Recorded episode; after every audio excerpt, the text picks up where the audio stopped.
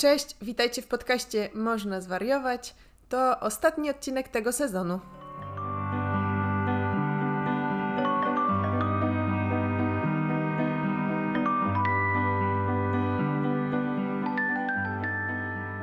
Kończymy ten e, sezon tradycyjnie QA, czyli serią pytań i odpowiedzi.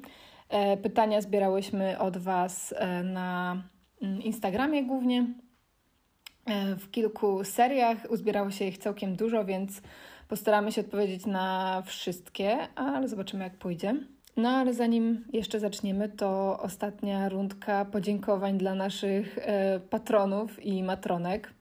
E, dziękujemy Wam za to nieustanne wsparcie e, albo, e, albo czasowe wsparcie, bo to też jest cegiełka ważna dla, dla fundacji. A szczególnie chcemy podziękować osobom, z, którzy najhojniej nas wspierają. Są to Emilia, Filip Pęziński, Kuba Barankiewicz, Anita, Maciej, Konrad, Maja, Tobiasz, Zosia i Karolina. Bardzo Wam dziękujemy. Dziękujemy za Wasze wsparcie. Wspaniały to był sezon, nie zapomnę go nigdy. E, jeśli chcecie w międzyczasie, w przerwie, mm, jak nie będą wychodziły regularne odcinki, poczytać sobie o naszych innych rzeczach, to ja wydałam książkę Clue, jak być sobą, gdy jesteś wszystkim innym. Ania wydała Przewodnik po emocjach. Może to będą Wasze lektury na lato. Ale chyba też możemy już zapowiedzieć, że w tym roku nie robimy takiej długiej przerwy na całe wakacje E, trochę będziemy eksperymentować z różnymi formami. E, wrócimy do Was już nie tak długo e, z taką serią trochę luźniejszych wakacyjnych odcinków, które też będą pojawiały się trochę rzadziej, ale, ale tak, żebyście za nami nie musieli bardzo tęsknić, to, to coś tam będziemy Wam dostarczać. No i wrócimy pewnie z takimi regularnymi odcinkami prawdopodobnie na jesień po moim egzaminie, także możecie całe, trzymać za mnie kciuki całe wakacje, żebym się pilnie uczyła. Na pewno tego nie będę robić, ale wszyscy spróbujmy po prostu. Tak, bo jak to się nie stanie, to nie będziemy nagrywać. No, to prawda. Będę miała karę. Bo Ania będzie załamana. Karę, szlaban na nagrywanie odcinków można zwariować. Eee, no dobrze, to powiedz jeszcze z czym ty zaczynasz, Kleo, dzisiaj? No więc dzisiaj ponieważ nagrywamy to e, bardzo rano, bardzo to y, szczęśliwie powiem Wam, y, tak, to jest ten dzień. To jest ten dzień, w którym powiem Wam, co mi się śniło. O! Bo dopiero się obudziłam i przed chwilą mi się to śniło. E, śniło mi się, wiesz co mi się śniło? Takie realistyczne to było, że jakoś tak trzymałam szklankę i mój kot podskoczył i chciał to przeskoczyć i jakoś tak się upadła ta szklanka i nagle patrzę, a Miron Miron, mój kot, ma wbite różne kawałki szkła w ogóle w różne miejsca i myślę sobie, o mój Boże, musimy, co my musimy robić? A potem się okazało i mówię, o Boże, to, ta, ta jest rana najgorsza i wyciągam to szkło.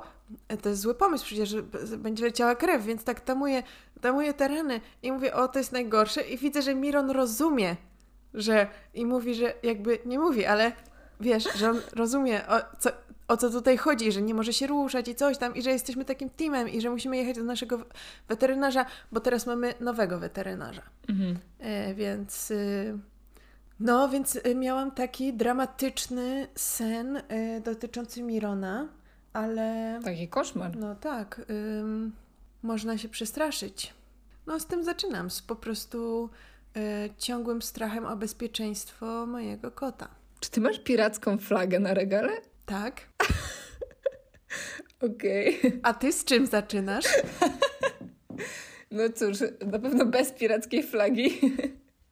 Ale ja zaczynam z takim dużym nieogarem mm, i przemieszczaniem się po różnych krańcach Polski.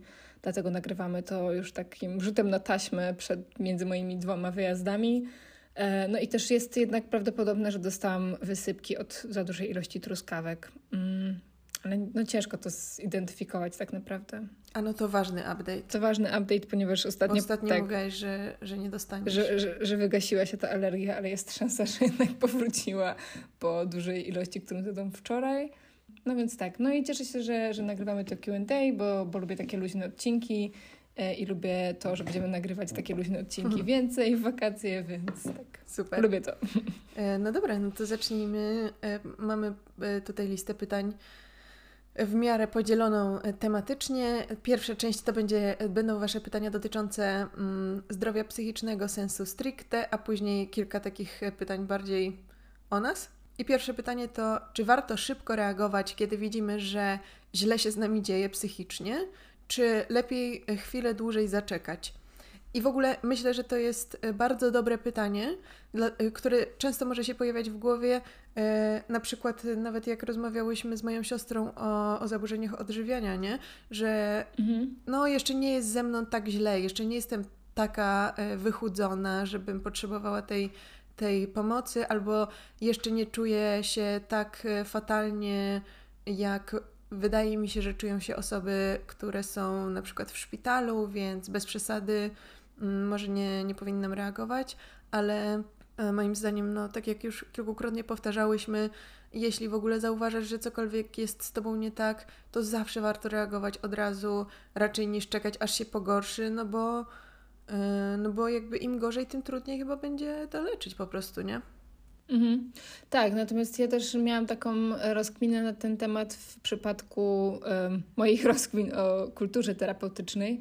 E, moje rozkminy możecie przeczytać w tekście, który napisałam dla Woga, e, ale może też pogadamy o tym właśnie przy okazji tych wakacyjnych odcinków, zobaczymy.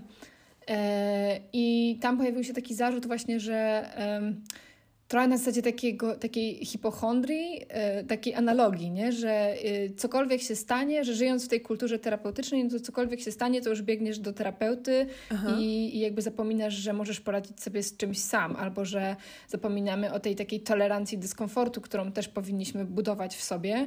Jest taki um, argument, że właśnie z byle powodu lecimy do gabinetu psychoterapeuty e, i że to jest... Um, że, że jakby uczymy się w tym przez to tłumić te negatywne emocje, e, czy coś, coś takiego. I myślę sobie, że faktycznie y, miałam kilka takich osób, które przyszły do mnie na zasadzie ojejku, ojejku, czy ja tutaj muszę przyjść, czy ja muszę tutaj rozmawiać, bo e, no, stresuję się jakimś tam wydarzeniem, które ma miejsce w życiu. Powiedzmy, że jest to, nie wiem mm, no dobra, nie chcę mówić, y, żeby, żeby nie identyfikować tych osób, ale, ale no jest to taka sytuacja, z którą każdy może się e, zdarzyć, tak? Taka życiowa sytuacja, która jest tymczasowa. No tak, że komuś umiera bliska osoba, e, masz rozstanie, masz ślub, urodzi ci się dziecko, no takie uniwersalne wydarzenia, nie? Tak, nawet, nawet powiedziałabym, że trochę mniejszego kalibru e, i, i faktycznie też jakby ja byłam zdumiona w takiej sytuacji, bo miałam takie poczucie, że robię wywiad, przypytuję, y, zadaję tą serię pytań, wypytuję o jakieś nie wiem, negatywne myśli na temat siebie, świata i tak dalej. I jakby wydaje się, że wszystko jest w porządku, ale z jakiegoś powodu ta osoba jakby potrzebuje porozmawiać i, i jakby też zawsze wtedy pytam, czy masz z kim porozmawiać poza jakby tym, tym gabinetem, w którym jesteśmy. No i kiedy okazuje się, że tak, że ta osoba ma wsparcie, nie wiem, męża, żony, przyjaciół, to ja jestem zdania, że, że okej, okay, to na tym po, pozostańmy i jeśli będzie coś faktycznie źle, no to zawsze możesz tutaj wrócić.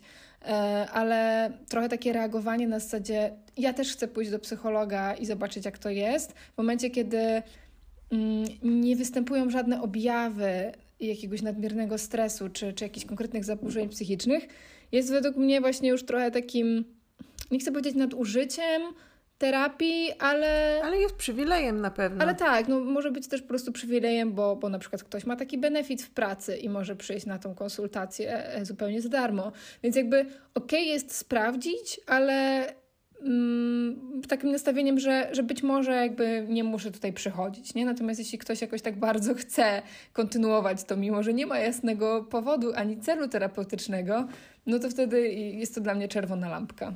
Okej. Okay. Kolejne pytanie to, co trzeba wiedzieć o szpitalu psychiatrycznym, planując tam wizytę? Trochę jak sobie przeczytałam to pytanie, to zabrzmiało mi e, jak... E, top 10 miejsc, które powinieneś zobaczyć na Majorce. tak, albo takie planowanie jakiegoś retreatu. Tak. Hmm. No ale może to jest e, to, to, planowanie wizyty, to, to też wynika z tego, że nie jest tak łatwo się dostać i na przykład na oddział dzienny ktoś po prostu planuje um, z wyprzedzeniem, że e, w sensie, że, że, że chce się tam dostać. Więc to jest jak najbardziej zasadne pytanie. Oczywiście, że tak, ale też e, no, przede wszystkim jest to miejsce takie owiane złą sławą, za zamkniętymi mhm. drzwiami mhm. na klucz E, specjalny i tak dalej często, więc y, jasne, że lepiej się przygotować. No, częściowo jest to opisane w mojej książce, y, jak jest na takim oddziale. Częściowo też rozmawiałyśmy chyba trochę w kilku odcinkach podcastu z osobami, które były hospitalizowane. Z mojego doświadczenia ciężko mi powiedzieć z perspektywy dzisiejszej, Dlatego, że na przykład jak ja byłam w szpitalu, ale to było 10 lat temu, to na przykład nie można było mieć telefonu z aparatem, e, tylko trzeba było mieć taki telefon oldschoolowy, taki dumb phone. E, z, ja miałam taki telefon z klapką, bo moi rodzice jakimś cudem jeszcze zachowali więc nie można było mieć telefonu z aparatem. Natomiast teraz widziałam, że jest influencerka, która nagrywa TikToki ze szpitala, mhm. więc y, chyba to się tak. trochę pozmieniało. Tak, myślę, że, że najlepiej będzie zapytać w konkretnej placówce. Tam zawsze jest jakiś sekretariat, czy, e, czy jacyś rejestratorzy medyczni, którzy mogą udzielić takich informacji, bo każdy szpital może mieć jakiś inny regulamin, inne zasady. E, to zależy też, jaki to jest e, rodzaj oddziału, czy to jest oddział zamknięty, otwarty, więc e, myślę, że, że warto pytać, ale już u konkretnego źródła. No i też myślę, że warto wiedzieć, że Fajnie jest iść tam z takim nastawieniem, że szpital to jest miejsce, w którym e, możesz uzyskać tę pomoc, masz dostęp do specjalistów, możesz mieć e, szybko dobrane leki w takich bezpiecznych warunkach, ciągłej obserwacji, że jak źle zareagujesz na te leki, to będzie ktoś, kto jakby zwróci na ciebie uwagę i można dopasować inne leki. I chyba pod tym kątem jest to takie Mm, moim zdaniem najbardziej praktyczne, raczej niż pod kątem jakiejś tam terapii czy, czy coś takiego. Trzecie pytanie. Jak reagować na samo okaleczenie i jak pomóc takiej osobie? Myślę, że to, co jest często ważne dla osób, które mają mm, nawet świeże rany czy, czy jakieś blizny po samokoleczeniach, to żeby też nie wzbudzać jakiegoś, y, nie zawstydzać tych osób i nie komentować w jakiś taki mm, obraźliwy sposób, to, to po pierwsze. E, no bo rozumiem, że, że to wzbudza często jakieś, jakieś zaskoczenie, czy, czy, czy szok, czy troskę, ale, ale faktycznie wielokrotnie słyszałam, że, e, że reakcje na, na te samokoleczenia są na zasadzie no przykro mi, że to sobie robisz, czyli takie obwiniające, no bo skoro komuś jest przykro, a, ale to ja cierpię, no to to jest też trudne do usłyszenia. Więc chyba najlepiej reagować e, no, z jak największą ostrożnością, i, i jakimś wyrazem też współczucia, a nie obwinianiem. Mhm. No i ja też myślę, że warto budować po prostu wartościowe, jakościowe relacje i tak poniekąd jakby, no ciężko powiedzieć, że zapobiegać, ale budować takie relacje, w których ktoś będzie czuł, że może do nas przyjść w każdej sytuacji, nawet, nawet sytuacji tego typu, e, czyli mhm. trochę myśleć o tym zawczasu. Okej, okay. E, czy każdy psycholog powinien robić notatki na terapii? To jest e, ciekawe pytanie i chciałabym tutaj przytoczyć taką krótką anegdotę, ponieważ e, ja, jak jeszcze mieszkałam w Nowym Jorku i robiłam terapię zdalnie, to robiłam ją z terapeutką, która po prostu miała ustawioną z Polski, z którą miała ustawioną kamerę tak pod kątem. I później, jak się przeprowadziłam do Warszawy po jakimś czasie, to dopiero pierwszy raz poszłam na spotkanie z nią. I okazało się, że ona ma taką medyczną ko kondycję, która nie pozwala jej w ogóle pisać. E, ani jakby używać rąk, mhm. więc ona nie robiła absolutnie nigdy notatek. Mhm.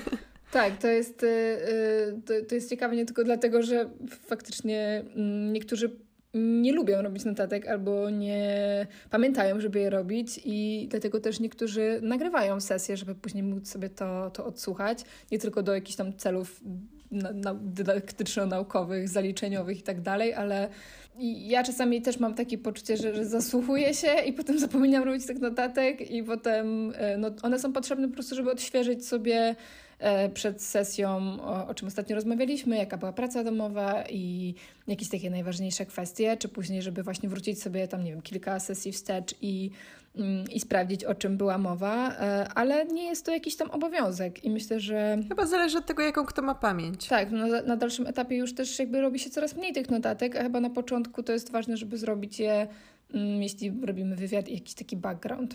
Czy psycholog może doradzać? Co jeśli mu się zdarzy raz podczas całej terapii? No to jest też taka kwestia zagwozdkowa, bo z jednej strony mówi się, że psycholog nie radzi, ale jest też coś takiego jak poradnictwo psychologiczne.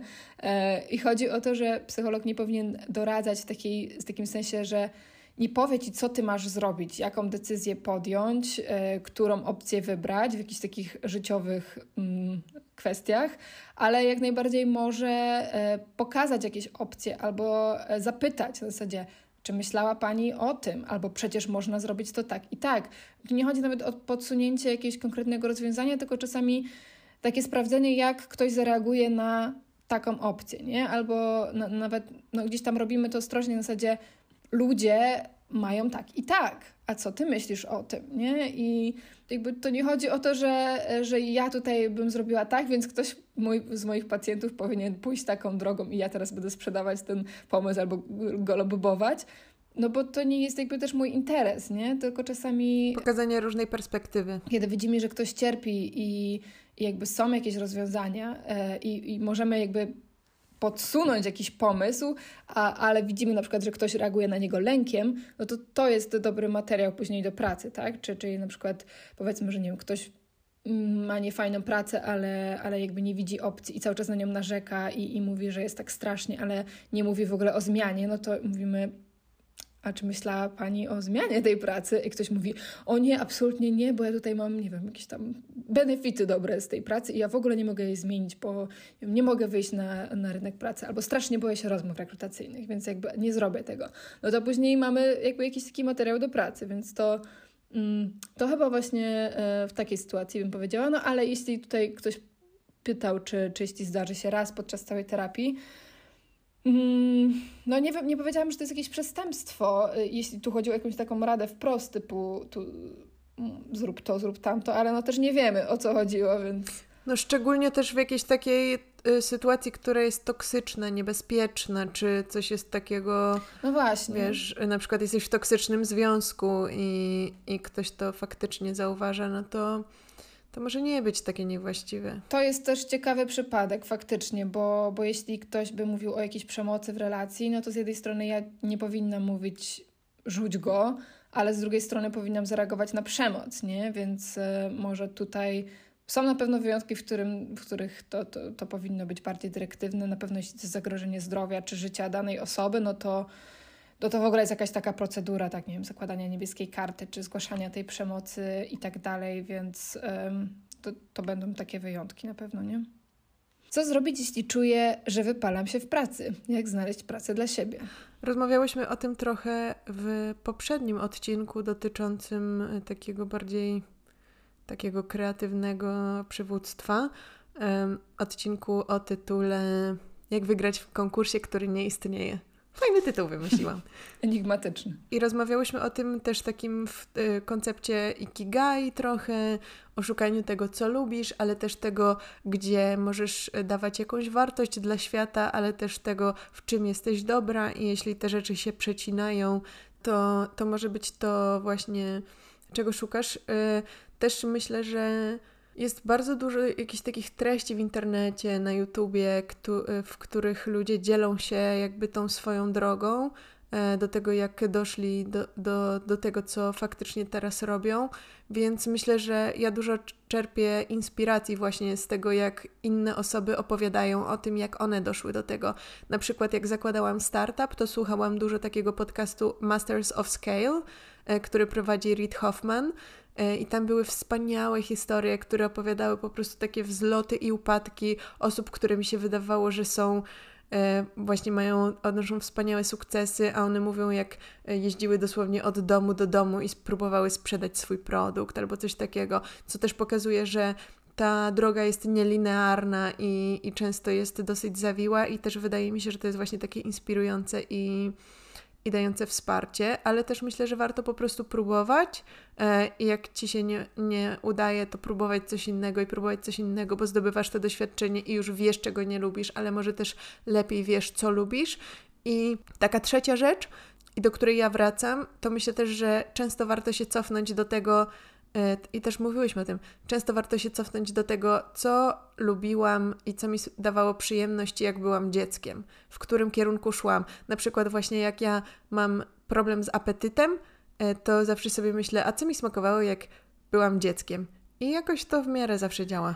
No tak, myślę, że jednak w pracy to trochę trudniejsze, bo mamy czasami takie nie wiem, wyobrażenia e, o swoich zawodach właśnie typu strażak, policjant, czyli coś, co... Nie, no tak, no jak, nie bardziej, ale bardziej myślę tak, tak bardziej trochę tak konceptualnie, nie, no bo nikt ci nie powie, no jak byłam dzieckiem, to kochałam być księgową, wiesz, ale bardziej myślę... Marzyłam o tym. Tak, bardziej myślę, ja, albo... Dobra, może są takie e, osoby. Chief something officer. um, ale bardziej myślę o tym, że no nie wiem, jak jak byłaś dzieckiem i bardziej lubiłaś, lubiłaś takie rzeczy, nie wiem, manualne, to być może właśnie mhm. robienie jakichś takich rzeczy rękami, tworzenie, nie wiem, właśnie jakieś... Tak, no to o tym mówiłyśmy też właśnie w tym odcinku. Tak, tak, tak. Myślę, no. że, że tak faktycznie warto sięgnąć inspiracji i po prostu dowiedzieć się, jakie są opcje. E, nie wiem, kiedyś były takie właśnie rankingi tam zawodów przyszłości i tak dalej. E, może niekoniecznie, nie wiem, czy one się sprawdzają tak naprawdę, ale chyba właśnie coś, co jest fajną inspiracją, to, to są też takie historie ludzi i, i na pewno jest dużo takich treści na YouTubie, osób, które właśnie, nie wiem, studiowały coś, ale później w ogóle zmieniały koncepcję. Mhm. Ali Abdal, który skończył medycynę i stwierdził, że jednak nie chce pracować jako lekarz. E, to jest jakiś tam skrajny przykład, ale... Tylko ja bym tutaj uważała e, akurat na youtuberów, dlatego że bardzo często się pojawia to że no na przykład wiesz, nie wiem, czy finansowi youtuberzy, czy jacyś różni. Takich pro-youtuberów to tak. Jak pewno. się pojawia to, że no właśnie jak zarobić pierwszy milion albo coś tam i się okazuje, że to wszystko przychodzi z YouTube'a. No i oczywiście, że no jakby tych y, y, youtuberów profesjonalnych jest raptem, y, jest dużo mniej, nie każdy będzie się z tego utrzymywał, no nie? Więc to jest takie trochę podchwytliwe. No tak, co, co, co przecież e, też jest um, teraz no, takim marzeniem właśnie obecnych, nie wiem, czy nastolatków, czy, czy dzieci, że właśnie e, bycie youtuberem, tiktokerem to jest po prostu największe ich marzenie. A no zobaczymy, jak to wyjdzie. Jest taki odcinek Emmy Chamberlain właśnie o tym i ona ma taką sugestię, że niedługo już jakby albo wszyscy będą sławni i jakby ta ilość lajków po prostu przestanie i tam followersów przestanie mieć znaczenie, albo właśnie jakby... Yy, a nie wiem, co było jakieś, jakąś tam drugą, no mniejsza. No i myślę, że to też y, odpowiada na kolejne zadane przez Was pytanie, jak znaleźć swoją ścieżkę w życiu. Mam na myśli studia, satysfakcjonującą pracę. No to y, ja właśnie myślę, że czytać jak najwięcej, y, dowiadywać się jak najwięcej, mieć w sobie tę ciekawość i i po prostu też czerpać z różnych źródeł i szukać, y, poznawać ludzi y, z różnych środowisk. No oczywiście łatwo powiedzieć, trudniej zrobić, ale czasami można po prostu pójść na jakieś wydarzenie zupełnie nie ze swojej działki, ale jeśli jest w ogóle jakikolwiek, jaka, jakakolwiek iskra zainteresowania w tobie, mm, to po prostu pójść, posłuchać i zobaczyć, czy, czy to jest coś dla Ciebie jest mnóstwo wydarzeń, jest mnóstwo nowych rzeczy, e, więc moim zdaniem aktywnie szukać, czytać i poszukiwać tego. Tak, no i też y, pamiętajcie, że jakby nie każdy musi pójść na studia, nie każdy zawód musi wiązać się z wyższym kształceniem. Studia można zmienić. E, to, że będziecie rok, dwa, trzy do tyłu, to też o niczym nie świadczy. Jest mnóstwo takich przykładów ludzi, którzy się przebranżawiają w, już w dorosłości po iluś tam latach w jednej branży, więc e, wszystko jest możliwe i na wszystko może przyjść kiedyś czas. Oczywiście, każdy ma swój timeline i y, pamiętajcie, że większość milionerów zarobiła pierwszy milion po pięćdziesiątce.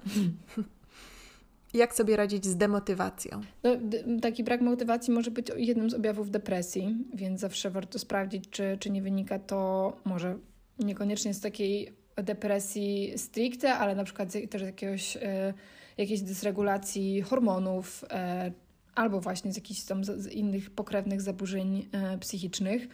Mm, No i może też wiązać się z jakimś takim negatywnym obrazem świata i, i jakimś pesymizmem, więc można też zawsze sprawdzić swoje schematy i, i to, dlaczego y, nie ma się tej motywacji. Czy to jest tak, że nie wiem, wszystko cię wkurza, czy jesteś ciągle zmęczona, zmęczony. E, więc tutaj chyba warto zbadać trochę źródło, bo może być ich dużo różnych no i wtedy łatwiej trochę iść tą ścieżką i, i, albo zmienić swoje myślenie, albo zmienić coś w życiu, co sprawia, że jesteśmy zdemotywowani. Jeśli ta demotywacja jest objawem na przykład wypalenia, to czasami po prostu trzeba odpocząć. O tym też porozmawiamy w przyszłości. Tak, porozmawiamy o tym. Jak znieść niepewność? Tolerancja dyskomfortu brzmi jak coś nieosiągalnego. Oh my god. Where do I begin? Myślę sobie, że to jest y, z kolei też fajny temat na osobny odcinek, ale no to będzie zależne pewnie od osobowości i temperamentu, jak ktoś radzi sobie z tą niepewnością i tolerancją dyskomfortu, bo osoby bardziej reaktywne, wiem, takie, które będą właśnie analizowały każdą sytuację i mnożyły scenariusze, będą po prostu miały trudniej, e, żeby znosić tą niepewność, a będą osoby, które będą kompletnie miały luz z tym, że nie, nie wiedzą, nie wiem, gdzie jadą, co się stanie i, i... Wręcz nawet będzie to dla nich motywujące i takie mobilizujące. I myślę, że to jest pewnie coś, co można sobie wykształcić na, trochę na takiej zasadzie, tak. no będę się martwić, jak już to się, się stanie. Trochę y, jest, jest takie powiedzenie w angielskim, nie wiem, czy to jest powiedzenie, ale... Mm, ale po prostu to się często pojawia w y, piosenkach artysty, którego lubię, Freda Again, Fred Again. Y, If you don't know, don't worry. I jakoś tak mi tak zapadło w pamięć, że póki nie wiesz, to się tym nie martw. Hmm, okay. I, I, myślę sobie, że, że ta niepewność często właśnie wiąże się z tym, że my mnożymy te scenariusze i martwimy się czymś, o czym jeszcze nie wiemy, czy się wydarzy. Więc jeśli tak, jeśli dobrze to odczytuję, to to myślę, że, że trenowanie takiego mięśnia, właśnie tego dyskomfortu i tkwi, tkwi, tkwienie w tej niewiedzy i po prostu e, przeczekiwanie tego jest, e, no jest czymś, co po prostu trzeba wyćwiczyć sobie. Tak, totalnie się zgadzam, bo ja byłam dokładnie tą osobą, kiedy byłam y, młodsza, byłam super nadodpowiedzialna, musiałam wszystko wiedzieć, e, wszystko było dla mnie bardzo trudne, więc chciałam mieć jak najwięcej informacji, a teraz e, udało mi się to wyćwiczyć, ale no to po prostu trzeba robić. Dokładnie. Nie? E, trzeba robić nawet takimi małymi krokami w codziennym życiu, ale jesteś w stanie to wytrenować. I wiem, że dzisiaj to brzmi jak coś absolutnie nieosiągalnego. Mm, ja też nie czuję się teraz super komfortowo, kiedy jestem w sytuacji, w której się czuję, jakbym po prostu chodziła po galaretce i, i jakby non-stop nie mogę złapać balansu. Natomiast. Ym, fajne, w sumie to by było fajne chodzenie po galaretce. No, natomiast y, im więcej jesteś w stanie tego znieść, y, w takich sytuacjach y, względnie bezpiecznych, tym później łatwiej ci będzie w takich sytuacjach, w których na przykład inni myślą, o Boże, co za chaos, nie wiem, e, nie wiem jak tutaj się odnaleźć, to ty będziesz miała jakąś taką większą pewność i większą umiejętność e, zniesienia tego, więc to naprawdę jest e, sytuacja, w której trening czyni mistrza. Ale jest to trening nieprzyjemny. Okej. Okay. Czy schematy z dzieciństwa można zmieniać? Tak. Tak. W terapii. Dokładnie. Świetne efekty. Terapia, ever heard of it? Kolejne pytanie.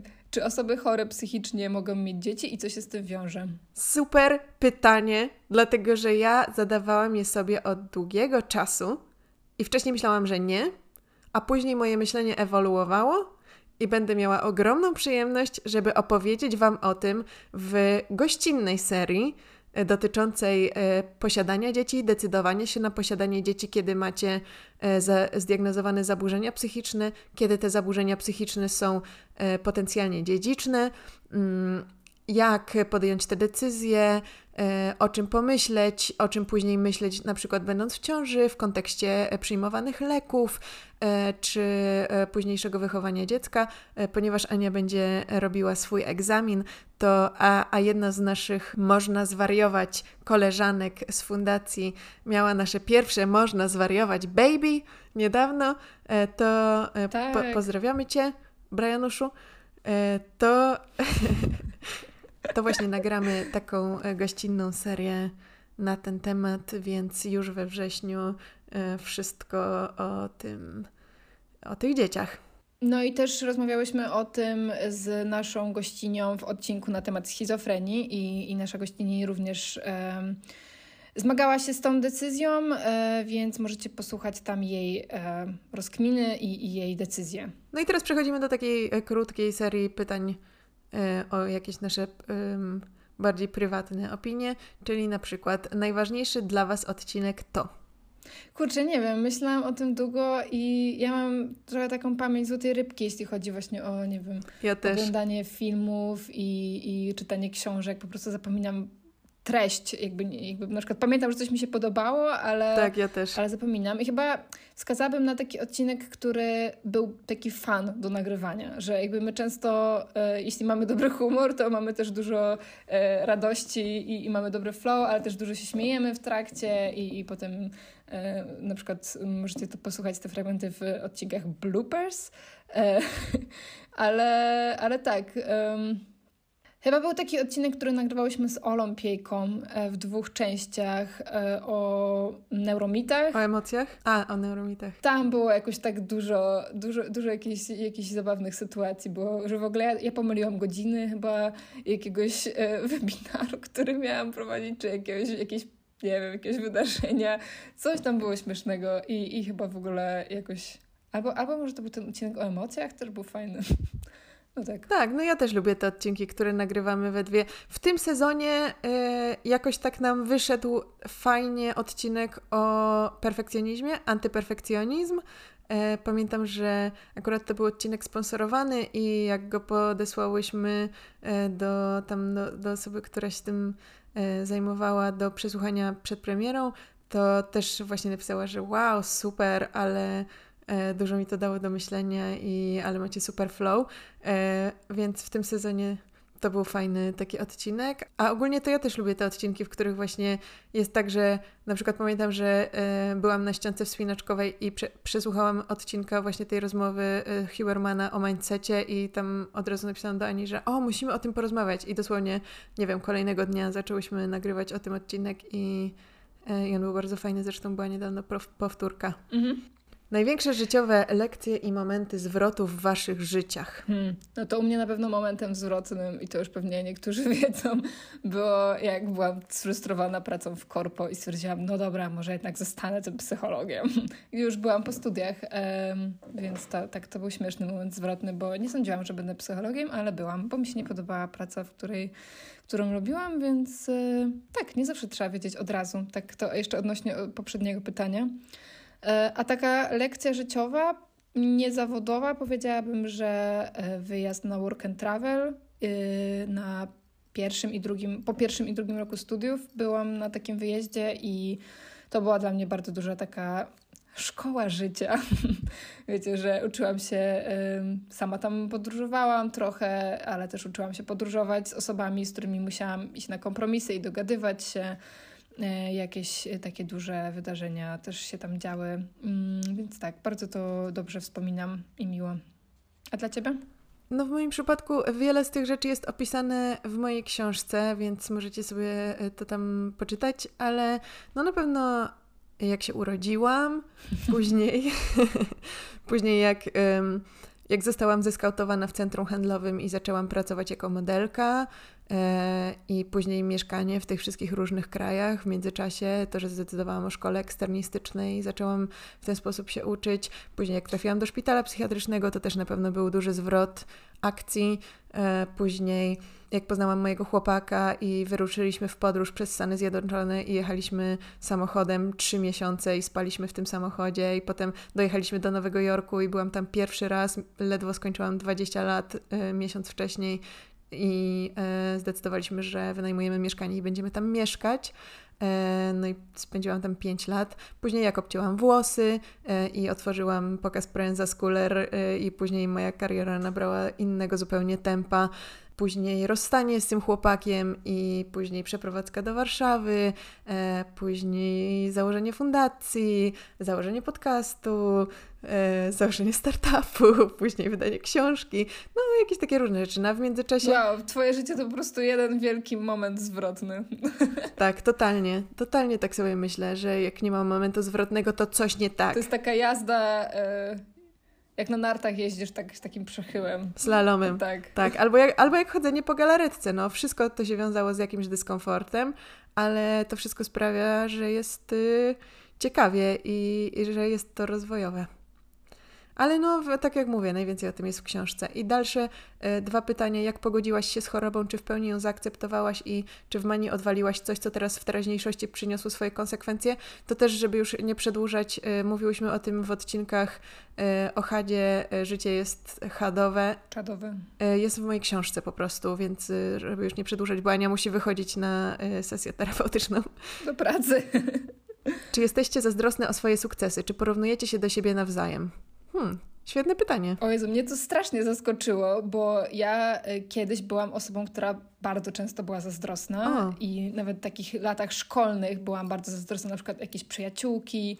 E, I też jakby rozmawiałyśmy wielokrotnie o porównywaniu się jako tak, powiązanym z poczuciem własnej wartości i, i do tej pory mam tak, że porównuję się e, do osób, które wiem, robią podobne rzeczy, ale Chyba dlatego, że znam ciebie i wiem, jaką jesteś osobą, to nigdy mi nie przeszło przez myśl, że mogę być. W sensie nawet nie, nie zdziwiło mnie to pytanie. W sensie mam takie poczucie, że yy, jesteś osobą, z którą ciężko być zazdrosną, bo wiem, że ty byś nie była no, zazdrosna. No, ciekawe. Nie wiem, czy rozumiesz. W sensie, że miamy poczucie, że, że to jest jakaś taka nieautentyczna emocja. Znaczy, ja rozumiem to pytanie, bo na przykład obydwie wydałyśmy książki, nie? Tak, w podobnym jak czasie. najbardziej to jest zasadne, zasadne pytanie, ale. No i działamy w podobnej przestrzeni. Ale nie, w sensie chyba po prostu postrzegam nas jako team i, i dlatego nie mam takich uczuć. Tak, ja też. Yy, jedyne o czym sobie pomyślałam, to, że myślę sobie, że nie wiem, że na przykład chciałabym, żeby moja książka się tak dobrze sprzedawała jak Twoja, albo Czasami na przykład jak e, wiem, że ale to chyba nie jest zazdrość, tylko takie mam uczucie, że o wow, fajnie. Wiesz, że ja też bym tak chciała. Bardziej ja, to jest... Widzicie, że jakby też miałyśmy, miałyśmy na przykład różne doświadczenia z promocją książki i, i tam też jakby było dużo rzeczy, które mnie zaskoczyło, bo po prostu no ciekawe jest, że różne wydawnictwa różnie podchodzą na przykład do kwestii tam, nie wiem, budżetu na promocję, czy jakichś tam reklam i tak dalej, ale ale bo to nie była właśnie zazdrość, tylko takie, o, można było to zrobić inaczej, nie? Tak, albo na przykład jak czasami ty bierzesz udział w jakimś wydarzeniu, o, na przykład teraz brałaś w wydarzeniu y, jakimś udział i myślałam sobie, o, ja też bym chciała, wiesz, być do niego zaproszona, nie? Bo to jest fajne wydarzenie jakby wydaje mi się, że tam można zrobić fajne rzeczy. A często się zapraszamy nawzajem. A często się zapraszamy nawzajem, ale nie, ale nie myślę, jakby nie myślę sobie, nie jest to jakieś takie negatywne, jak postrzegam zazdrość negatywnie, że mhm. wiesz, że że, albo na przykład, że chciałabym, żebym ja to zrobiła zamiast ciebie, to nie, nie mam w ogóle tak. To dobrze, że sobie wyjaśniłyśmy. Jakie było e, największe, najmilsze zaskoczenie w trakcie prowadzenia podcastu? To ja to e, nad tym się zastanowiłam i ostatnio miałyśmy takie dwa bardzo fajne wydarzenia, gdzie raz byłyśmy na wydarzeniu na żywo i nagle e, podchodzi do mnie jakiś chłopak i się okazało, że to nasz słuchacz, który napisał do nas wcześniej maila i wymieniliśmy dosłownie dwa czy trzy maile na temat jakiejś książki i on właśnie usłyszał w podcaście, że mamy wydarzenie na, na żywo i przyszedł specjalnie, żeby nam dać w prezencie e, dwie kopie tej książki. I to było super miłe i totalnie zaskakujące, więc e, pozdrawiamy Cię. A druga sytuacja to na naszym wydarzeniu można zwariować. Jakiś czas temu podeszła do mnie dziewczyna i też dała mi w prezencie książkę inną z dedykacją, bardzo wzruszającą. Teraz już wszyscy będą dawać nam książki. Tak, dawajcie nam książki. I i powiedziała, że właśnie kiedyś przypadkiem usiadłyśmy obok siebie w kawiarni, kiedy ja robiłam wywiad dla Woga y, na temat mojej książki i ona usłyszała, co mówię, co opowiadam i pomyślała, że to jest super ciekawe, ale nawet nie wiedziała, kim jestem ani jak się nazywam. I potem któregoś dnia wyszła z domu i zobaczyła wielki plakat na przystanku yy, i skojarzyła, że to ja. Yy, I potem przeczytała tę książkę i napisała mi taką dedykację w książce, właśnie, że tak jak ja pisałam, że mam nadzieję, że to, że właśnie powstaje ta książka e, i te rzeczy, które przeżyłam, staną się czyimś poradnikiem przetrwania. I ona właśnie napisała mi taką ładną dedykację, że, że ta książka stała się jej poradnikiem przetrwania. Więc bardzo to było dla mnie e, wzruszające i, i takie, że sobie pomyślałam, że cieszę się że te wszystkie rzeczy się dzieją. E, ja też pomyślałam o tym momencie z książką, ale też myślę sobie, że, że bardzo miłe są w ogóle wszystkie takie zaproszenia, które dostajemy właśnie na jakieś wydarzenia. E, chyba takim pierwszym dużym wydarzeniem było e, Scopes w Warszawie, gdzie miałyśmy swój panel, bo było to takie bardzo posz wydarzenie. Może nie posz, ale takie bardzo interdyscyplinarne, tak, tak. interaktywne tak. I, i bardzo takie no, oryginalne na pewno. E, ale też właśnie wszystkie jakieś takie gościnne zaproszenia e, do podcastów, miło wspominam e, i w ogóle to, jak, jak ktoś nas pyta o to, jak to się stało, że prowadzicie razem podcast, to, bo, bo mam takie poczucie, że o wow, kogoś to w ogóle interesuje, więc tak, to jest dla mnie też bardzo miłe. No, mam wrażenie, że w ogóle podcast przynosi same miłe rzeczy. I ostatnie pytanie, e, czy jest szansa na eventy z naszym udziałem poza Warszawą? E, pewnie, totalnie tak, tylko musicie nas zaprosić. Dokładnie to samo chciałam powiedzieć. Dlatego, dlatego że e, no, organizacja w Warszawie no, to są nasze wydarzenia, które są po prostu tutaj organizowane wyjściowo i zapraszamy Was już 20 czerwca, czyli za tydzień, na wydarzenie Miłość na, na lato czy na lata, w którym wezmą udział y, Asia Okuniewska i Miłosz Brzeziński.